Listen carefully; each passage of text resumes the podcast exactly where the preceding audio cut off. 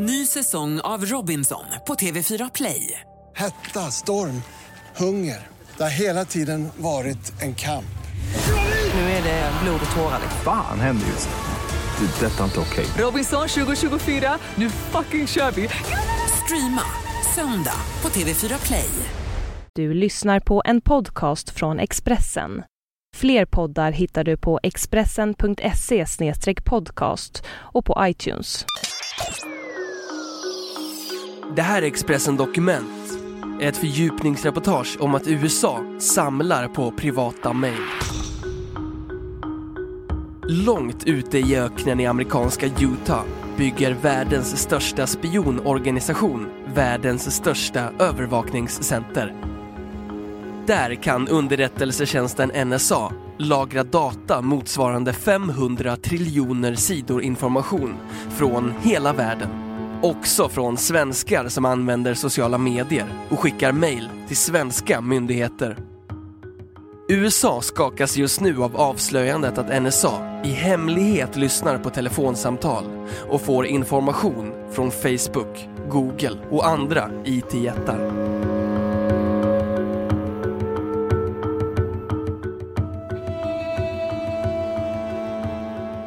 USAs krig mot terrorismen fortsätter också under president Barack Obama.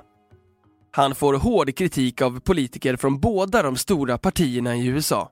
Sen ledande tidningar avslöjat ett hemligt program för övervakning av telefon och datatrafik.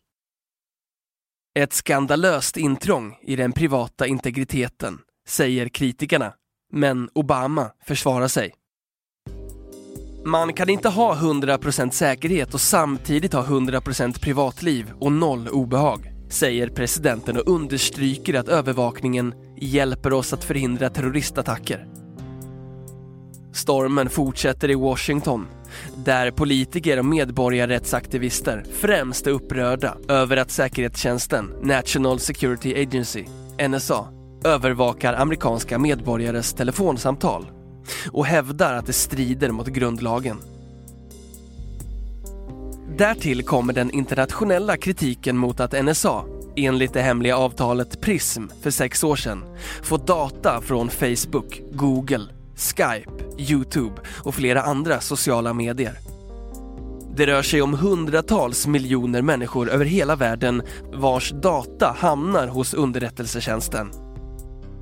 Åtgärderna är godkända av en amerikansk specialdomstol, men det lugnar inte kritikerna. Lagen om FRA röstades igenom i riksdagen. Det innebär inte att den är moraliskt riktig. Jag är chockerad över att man tar sådana friheter med människans personliga integritet, säger Anna Troberg, partiledare i Piratpartiet, till Expressen. Människor har rätt till privatliv. Att gå ut med stora trålen på jakt efter terrorister innebär att vi vanliga människor hamnar där. Den överraskning östtyska Stasi ägnade sig åt är ingenting mot vad man gör idag. NSA bygger nu sitt flaggskepp i Utah. Det får Stasis verksamhet att se mycket liten ut, säger hon. Bokstavskombinationen NSA sägs ofta stå för No Such Agency eftersom den är så hemlig, skriver Washington Post, en av de tidningar som avslöjade det hemliga övervakningsprogrammet. NSA tillhör militären och dess främsta uppgift är att spionera över hela världen på jakt efter terrorister. Underrättelsetjänsten lyssnar på miljoner telefonsamtal, läser miljoner mejl och har 35 000 till 55 000 anställda. Ingen utomstående vet exakt hur många. Högkvarteret ligger i armébasen i delstaten Maryland. Men redan till hösten kan det nya centret i Utah stå färdigt. En investering på motsvarande nära 14 miljarder kronor, skriver Washington Post.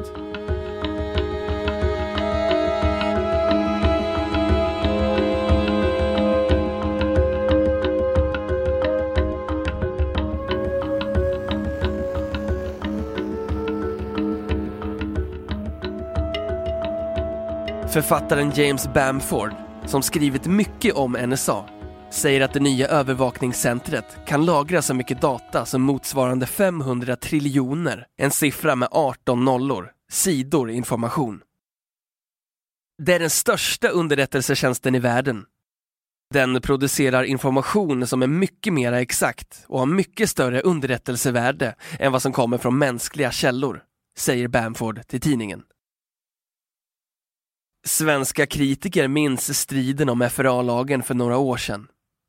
Riksdagen röstade 2008 igenom kontroversiella lagändringar som gav Försvarets radioanstalt, FRA, utvidgade befogenheter att bedriva signalspaning på telefon och internettrafik.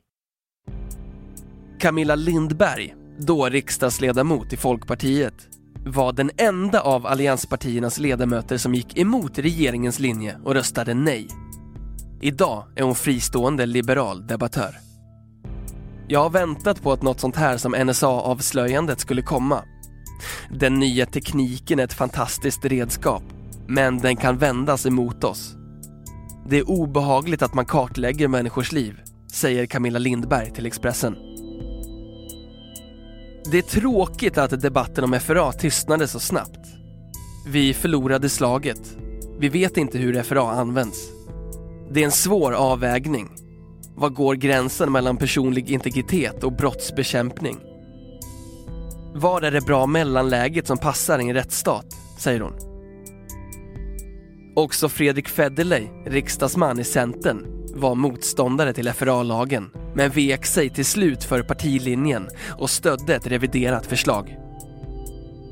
Det gäller att skydda medborgarna, inte snoka i deras privatliv.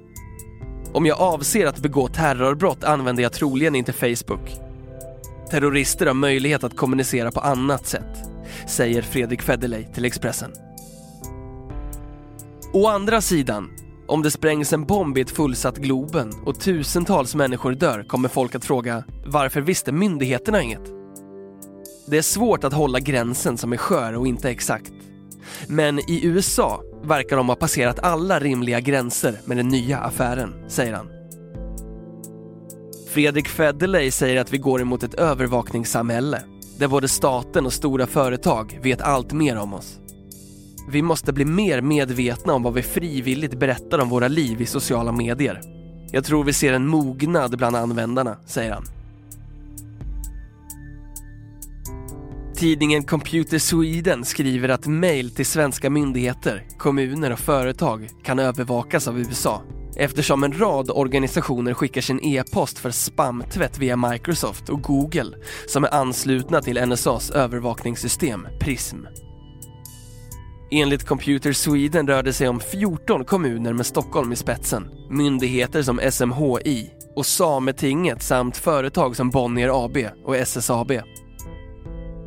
Om du inte vill skicka information som är lätt att hamna i amerikanska myndigheters händer, ja, då ska du inte kommunicera med de här myndigheterna, säger Stefan Trelberg, VD på IT-säkerhetsföretaget Stay Secure, som tagit fram listan till tidningen.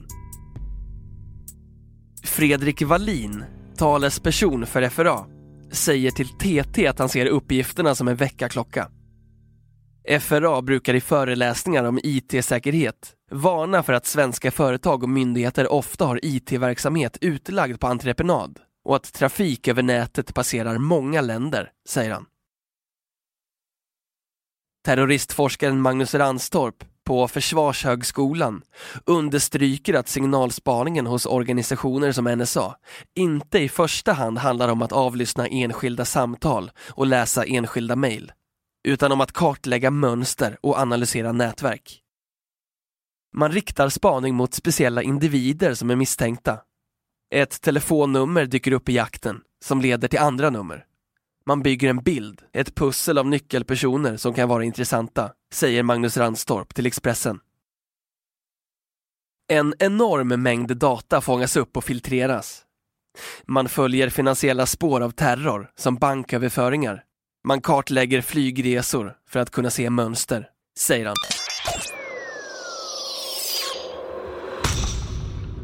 Du har hört Expressen Dokument, ett fördjupningsreportage om att USA samlar på våra privata mejl av Arne Lapidus, som jag, Johan Bengtsson, har läst upp.